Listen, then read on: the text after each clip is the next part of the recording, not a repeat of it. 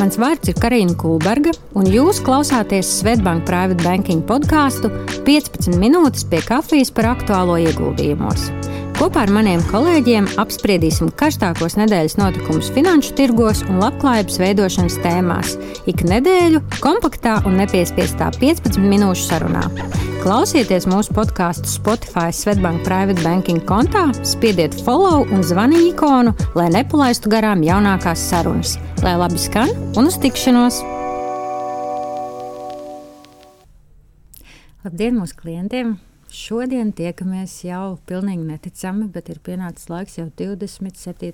epizodei, kuru, kā pagājušajā nedēļā solījām, šodien veltīsim, lai apskatītu jaunākos finanšu re tirgus rezultātus par oktobri. Ja mazliet atceramies, tad, tad kad uh, komentējām uh, septembra rezultātus, tad, kā jau prognozēts, bijām uh, kopā ar Vēntu toreiz sarunā un runājām par to, ka, kā tas ir sagaidīts, tas bija pavisam sarkans mēnesis, kā jau katru gadu finanšu tirgos. Tad oktobris, jāsaka tā, nu ir jau iekrāsojies zaļākās krāsās, lai gan, protams, tas pilnībā nevarēja vērst par labu visus gada laikā uzkrātos mīnusus. Tomēr atšķirības starp dažādiem tirgiem ir manāmas, un to šodien sarunā kopā ar savu kolēģi Mārtiņu Purgālu. Mārtiņu, čau! Čau! Mēģināsim arī pašķitināt. Nu, tad, kā jau Alaži, mēs sākam arī ar pasaules lielāko ekonomiku, ASV. Es zinu, ka Mārtiņš ir ieskatījies, Mārtiņš pastāstīja, kas piesaistīs tavu uzmanību oktobra finanšu tirgus performancē Amerikā. Jā, kā jau tu minēji, ASV Nu, arī ASV kopumā, kā visi tirgi ir zaļi oktobrī, ja mēs skatāmies oktobra sākumu un oktobra beigām.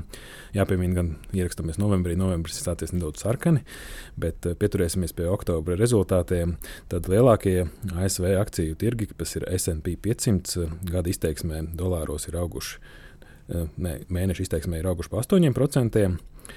Un gada izteiksmē dolāros ir kritums nu, par 18%. Tad, tā tendence, kā jau tu pieminēja, ir tāda pati, ka gadā ir sarkani, cipari mēnesī zaļi. Eh, kas ir eh, vēl interesanti un atšķirīgi, kas ir Nasdaq kompozīta indeks, kas ir tieši tehnoloģiju nozarēm tāds vērsts, un tur daudz tādu lielu uzņēmumu tehnoloģiju pārstāvēt, ir, ir eh, uzrādījis sliktākus rezultātus. Dolāros mēneša griezumā viņš ir audzis par 3,9% un gada griezumā dolāros kritis par jau praktiski 30%. Te gan jāpiemina arī tas, ka, ja mēs skatītos kā eiro ieguldītāji, nu tad gada izteiksmē kritums būtu mazāks, tikai 18%. Te varbūt arī nezinu, cilvēkiem, kas mazāk uh, iegulda un seko līdzi, bet uh, interesējās, kāpēc tas tā ir notiekās. Nu, pavisam vienkārši, ja mēs pērkam kādu ASV akciju dolāros, tad mums eiro jākonvertē uz dolāriem. Kurs ir viens tajā momentā. Nu, pēc teiksim, tā, šogad, oktobris, pēc desmit mēnešiem mēs viņu akciju pārdodam, konvertējam atpakaļ eiro. Nu, eiro mums sanāk vairāk tīri dēļ kursa svārstībām, tāpēc eiro ieguldītājiem šis periods bijis pozitīvs arī dēļ tās valūtas. Mm. Nu, lūk, un, kas tad ir oktobrī vēl būt tāds nozīmīgāks akciju tirgiem? Tas, ka mēs nu, jau skatāmies arī ceturkšņa rezultātus. Ja ceturkšņs beidzās septembrī, tad oktobris ir periods, kad ienāk tie dati apkopoti no kompānijām. Nu, vēl novembrī sākumā šis periods ir. Un ASV lielākām kompānijām, protams, tas ir nu, interesants periods, ko investors skatās. Un kāpēc to dara? Jo nu, ir tāda lieta, ka nu, uzņēmums strādā katru ceturksni, nāk rezultāti, bet ir atskaites punkti, ko ieguldītāji, kuri investē varbūt tādā īsākā termiņā, bieži vien rēķina, skatās un ceturkšņa griezumos nu, tie dati tiek apkopoti un viņi saliek savos modeļos un atbilstoši pārbauda, vai cena atbilst nu, viņu kā, valuācijām, vērtējumam. Nu, lūk, un, un, ja mēs droši vien skatītos, kāpēc mēs kā ieguldītāji skatāmies arī ceturkšņa rezultātus, jo, nu, ja uzņēmums uzrāda ļoti labus rezultātus, nu, varētu domāt, ka tas uzreiz to cenu pieaudzē, bet negluži tāds ir patiesībā, jo realtātē nu, tirgus jau sagaida, ka ja vide ir labvēlīga, uzņēmuma pelna, tad arī tā peļņa būs um, pietiekami laba un cenā tas ir ierēķināts. Tas, ko investors skatās, bieži vien ir drīzāk tas pārsteiguma moments, vai nu peļņa ir augstāka par sagaidīto, vai zemāka. Un, ja tas pārsteiguma moments ir pietiekami liels, tad tas to tirgu pasvērst un to konkrēto akciju vai nu pavelk uz augšu, vai pavelk tieši otrādi uz leju. Nu, lūk. un otra vēl tāda būtiska lieta, protams, tajās rezultātos pastāsta, kas, kas gaida nākotnē uzņēmumu. Un tas bieži vien pat ir svarīgāks faktors, kas eh, akcijas cenu ietekmē. Eh, tādā momentā, kad, nu, ja pasaka, ka nākamais ceturksnis nav prognozēts labs, tad, protams, tā akcijas cena svārstās stipri vien uz leju. Un arī pretēji. Un kas notikās šajā, šajā oktobra mēnesī, protams, mēs redzējām ļoti unikālu momentu, kad Facebook meta paziņoja savus rezultātus, un akcijas cena otro reizi jau šogad nokritās par ļoti, ļoti lielu apjomu, kas ir 25% vienā dienā. Tas ir ļoti daudz, un, un atbilstoši pārsteidz tirgus. Kas tad notikās? Meta paziņoja savus rezultātus. Divas tādas diezgan nepatīkamas lietas notikās. Ir tas, ka krīt ienākumi un pieaug izdevumi. Un tas ir kopsakarībās eh, ļoti slikts rādītājs tādā ziņā, ka uz nākotni skatījums, protams, uzņēmumam ir stipri vien nu, ar, ar zemākām cenas uh, vērtībām. Eh, paredzēts bija rādītājs 9, kas varētu būt pat ļoti labs, ņemot vērā tādu kopējo tendenci tehnoloģiju uzņēmumos, bet nu, jāņem vērā, ka tā tendence ir negatīva. Gada sākumā meta maksāja 340 dolārus, tagad 92. Nu, lūk, un, un tas, tas gan, gan tas tā, nu, lietotāju skaits arī nepieaug, gan arī tās izmaksas, kas ir viņu virtuālajā šeit, nu, realitātes divīzijā, ir 9 miljardi, ko viņi gadu laikā ir iztērējuši. Nu, tirgus to ļoti uztver diezgan negatīvi. Vēl Amazonas arī paziņoja rezultāts, arī kritums mazāks, gan, bet nu, tur ir vairāk vai mazāk tas nākotnes skatījums.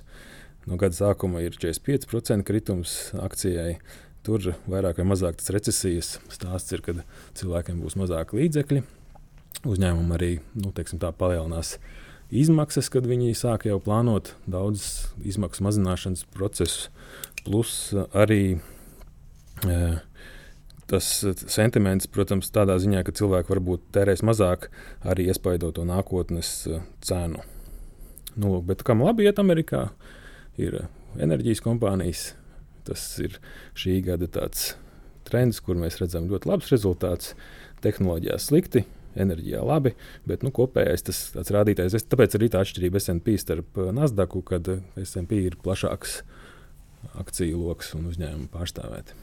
Jā, Mārtiņ, man liekas, jums atkal būs vērts tikties ar Līgu un runāt vēlreiz par visu to, ko ar uh, Twitter ir sadarījis Elonas Masks. Tur arī tik daudz jaunumu pēdējā laikā par uh, potenciālo ieviešanu, maksas ieviešanu, tomēr kā, lietojot šo zilo putniņu simboliņu stūrītī katram jūzerim, kas būtu atpazīts tā tālāk. Man liekas, nu, tur tā dinamika, ja tādam, kā tu teici, meta grupai, Facebookam ir nu, tāds kritums un diezgan pamatīgs, un varbūt arī tik daudz nedzirdam par kaut kādām idejām, kā to uzlabot, tad nu, maskas noteikti piepūlās tā, lai mēs visi Twitter lietotu daudz biežāk, vismaz tagad, lai redzētu, ko viņš plāno šo platformu. Beidzot, arī tas nu, darījums ir skaidrs, ka notiksies. Tas arī ir tāds. Nu, tas ir tāds pavērsiens, un var redzēt, ka uzreiz jau atkal tur ir vesela atlaisto cilvēku virkne, kas tur ir sarindoti. Un, un, un tiks ieviestas daudzas izmaiņas. Kā, kā jau viņam raksturīgi plaši paziņojumi, viss tas iet caur Twitter, redzēsim, kā tas notiks.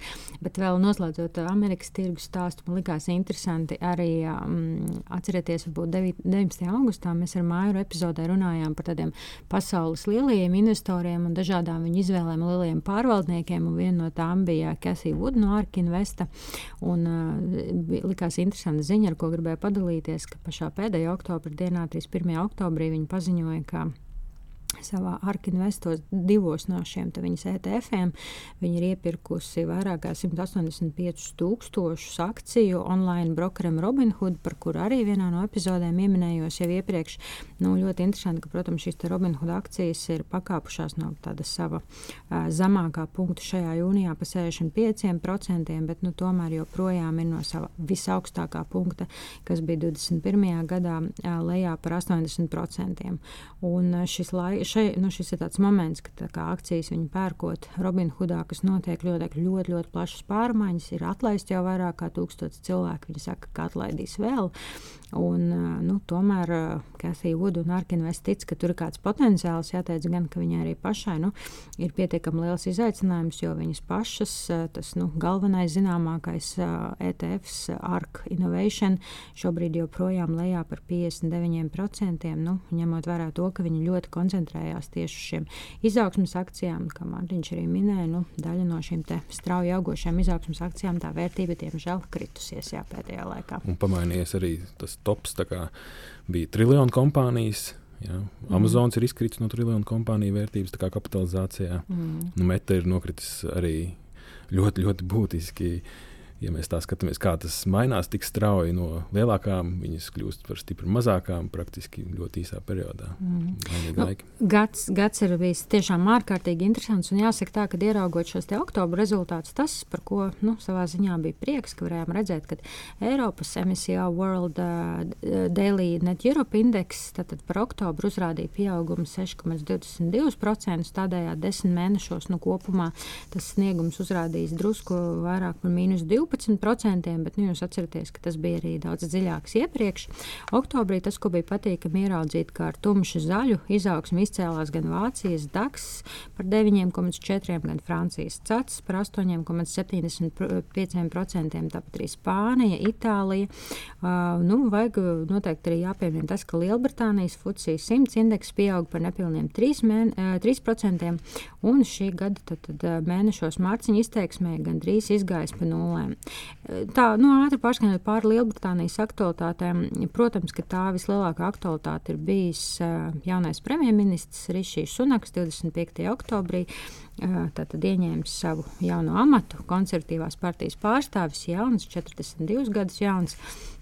Dzimis turpat Southamptonā, indiešu ģimenē, iegūs labu izglītību, Oksfordā, pēc tam Stanfordā.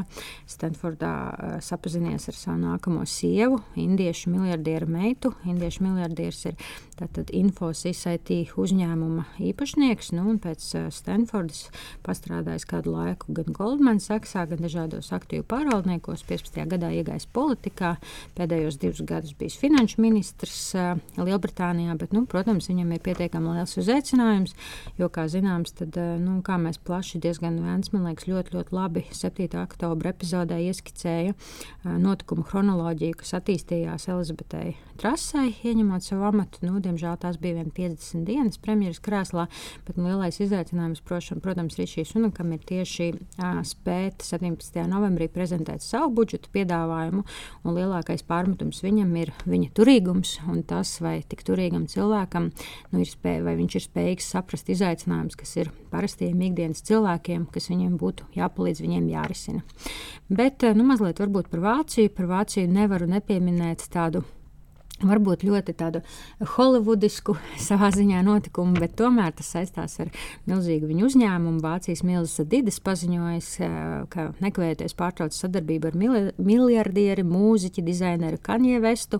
Varētu likties nu, tādas ļoti, ļoti dzeltenas ziņas. Uh, mana pirmā doma, kad es to izlasīju, man liekas, nu, ārprāts tā jau tam Adidas un tiem Vācijas tirgumam, nu, kā viņiem nepietiek rūpīgi jau bez šī visa. Bet, nu, jāsaka tā, ka šis, protams, jau tā akcija, kuras vērtība līdz tam brīdim bija kritusies gadu laikā par kādiem 60%, nosvārstīja vēl vairāk, un, un tā kritās vēl pa 10%. Šāds skarbs lēmums, kāpēc? Nu, protams, ka Kaņē Vests ļoti skaļi bija publicējis savus antisemītiskos uzskatus, līdz ar to es domāju, ka tur īsti nekādas izvēles nemaz attīdas nebija. Bet nu, viņi bija sadarbojušies kopš 13. gada. Sadarbība bija bijusi tik veiksmīga, ka viņi teica, tā ir viena no nu, plašākajām un izdevīgākajām viņu sadarbībām, un ko tas nozīmē priekšsēdīdes, ka tas ir nekavējoši vismaz 250 miljonu ietekme uz viņu 4. ceturkšņa pārdošanas apjomiem, nu, kas pie tā fakta, ka jau līdz šim viņi bija ziņojuši, ka viņiem iet pietiekami smagi Ķīnā, e, ka samazinās arī pieprasījums e, rietumu tirgos, nu, vēl papildus, e, protams, iedeva tādu pamatīgu triecienu viņa akcijas vērtībai. Kas notika arī līdzīgi Mārtiņš minēja, nu, kad krītās šo pasaules lielo gigantu uzņēmumu valuācijas, tad jāsaka tā, ka arī šī sadarbības izbēgšana pašam Kaņē Vestam, kas līdz tam tika uzskatīts par miljardu miljardieri ar savu paša privāto neto vērtību 1,5 miljardu vērtībā ir nokritusies līdz 1,400 miljoniem. Nu, tā kā tāda interesanta ziņa, bet, eh, bet par nopietnākiem varbūt notikumiem tā skaitā tie labāko izaugsmi tieši Vācijas tirgu, ko nu, ko, ko sagaidīju un redzēju. Tas bija no tādiem gigantiem kā Deutsche Bank, kurai, kuras vērtība, akciju vērtība oktobra laikā pieauga par kādiem 20%, Airbusam pa 18%. Tā kā tiešām uh, lielie spēcīgi uzņēmumi arī uzrāda tur labus rezultātus. Daudz izaicinājumu arī Ķīnā. Mārtiņš ieskatījās, kas tie galvenie notikumi tur. Jā, un Ķīna izceļas ar to, ka ja lielākā daļa no reģioniem oktobrī bija zaļa, tad Ķīna un apkārt, kas ir viņas provinces, ir pilnīgi sarkanas. Uh, Un to parūpējās nu, teiksim, politiski iemesli, kas bija iem, nu, pamatu šim visam. Jinpings kā, ir kļuvis par trešo reizi Ķīnas vadoni. Un tas nav bijis tāds ierasts process, kad tik daudz termiņus, trīs pēc kārtas, vada viens prezidents.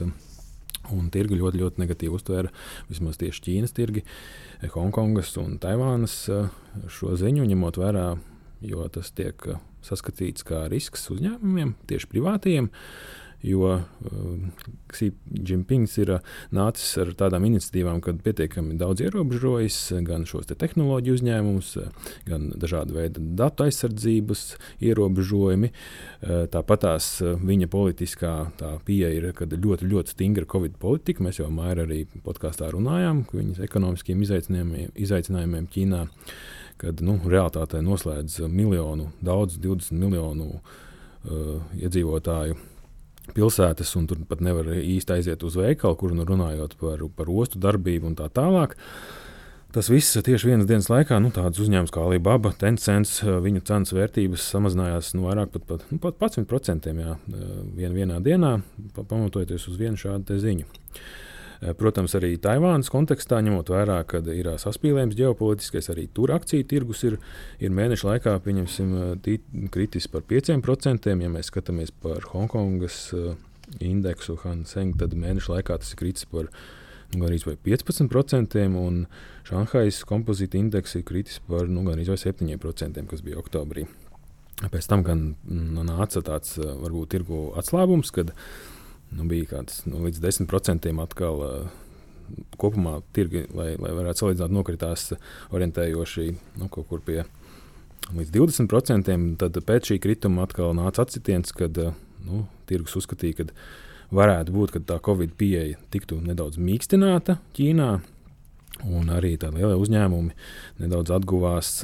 Cenā, bet nu, arī novembrī, protams, ir nedaudz negatīvas ziņas, kas atkal nedaudz ir pavilkušas uz leju šīs akcijas. Tās ir ziņas no Ķīnas. Ekonomiski izaicinājumi tur daudz, nekustamais īpašums, viss kopumā, protams, ir pavilcis to visu uz leju, bet, nu, rekur, ja viņi samazinās to Covid ierobežojumu, varbūt politiku, tad uh, tas būs tāds labs attēls brīdis šai ekonomikai. Jā, nu, ņemot vērā izaicinājumus Ķīnā, mēs jau ar uh, Ventu arī uh, iepriekšējā septembrī rezultātos apspriedām to, ka nu, ir gan šie covid ierobežojumi, gan viss cits, kas Ķīnā pastāv. Līdz ar to vairāk lielie ražotāji saka, ka dosimies uz Indiju un pārnesīsim daļu ražošanas turp. Uh, protams, uz to norēģēja arī Indijas Sensex indeks, kura mēneša laikā pieaugums gandrīz par 6%, un šis, starp citu, indeks rezultējas ar to, ka šogad tajā kopumā pieaudzis tas vairāk kā par 5%. Nu, šajā ziņā tiešām viens no retajiem, kuriem ir izdevies šogad tik izaicinošā gadā ieiet tajā pozitīvajā pusē, bet, nu, jāsaka tā, ka, protams, arī te kaut kādi zinām izaicinājumi nu, aiz, aiz stūra vai solīt tālāk lūkojās. Deloitte savās prognozēs saka, jā, IKP pieaugums Indijā šogad būs spēcīgs, 7 vai 8 procentiem. Inflācija gan arī jāsaka, ka ir kādu 7% robežās, bet par ko ir bažas, kā ies viņu galvenajiem partneru tirgiem, jo no, nu, apmēram mazliet zem 20% Indijas eksporta ir uz ASV, 7% uz Ķīnu. Protams, ja viņu partneru valstīm ir sarežģīti laiki un grūti laiki, un tur pieprasījums mazinās, nu, tad tas ļoti tiešā veidā varētu ietekmēt arī Indiju. Un, kā parasti arī pieskaramies uh, izaivielām, Nafta oktobrī ir kāpusi cenu, eh, orientējoši 7-8% robežās. Iemesls pavisam vienkārši samazināta OPEC ieguve. Samazināja, jo realitātē visticamāk arī pieprasījums ir saskatāms, ka mazinās dēļ recesijas gaidām un arī droši vien recesijas, kas būs nākotnē. Tāpēc ieguve tika mazināta un atbilstoši oktobra cena ir pakāpusies. Nu, kāds būs nākotnē, protams, būs pieprasījums piedāvājuma attiecība, bet nu, redzam, ka, protams, arī viņi mākslīgi var ierobežot un pabīdīt cenas uz augšu. Eh, vēl interesanti, kas ir mūsu reģionam, Eiropai, ir gāze. Protams, gāze bija sasniegusi 350 eh, dolāru cenu, tad viņi nokritās jau zem 100, tagad ir pie 130 ar gāzi būtu ļoti brīnišķīgi, ja tas būtu produkts, kuru var nezinu, ostā izgāzt un viņš tur stāvētu. Bet nu, gāze ir sarežģīts process, kā viņu iegūst, pārvadā un pēc tam uzglabā. Un atbilstoši droši vien tādas cenas kritumu tieši mums kaut kāda veida apkuras izmaksu mazināšanai mēs varētu sagaidīt tikai nākotnē, ņemot vērā, ka, protams, tas aizkavēšanās šim cenas kritumam būs. Un, nu, tā, gāzes krātuvs Eiropā ir piepildīts pagaidām. Tā gāze, kas tiek sūtīta, tiek novērtēta ar zemāku cenu. Bet, nu, tad vienmēr jāskatās tas laiks pret, pret to gan, gan, gan laika apstākļiem, kādi būs. Nu, tas ir sarežģīts process, bet pagaidām tā tendence bijusi pozitīva uz, uz cenas kritumu. Mm. Nu, forši, paldies, Mārtiņ, jā, ka varēji piedalīties šodien podkāstā. Paldies mūsu klausītājiem. Lai jauka diena! Tā! Tā. Audio saturā dzirdētā informācija nav uzskatāms par ieguldījumu konsultāciju vai ieteikumu slēgt finanšu tirgus darījumus vai ieguldīt finanšu instrumentos. Paldies, ka noklausījāties mūsu sarunu šodien. Atgādinu, ka, lai nenokavētu jaunākās epizodes, spiediet follow un zvaniņu ikonu Spotify kontā Svetbank Private Banking, lai laba diena un uz drīzu tikšanos!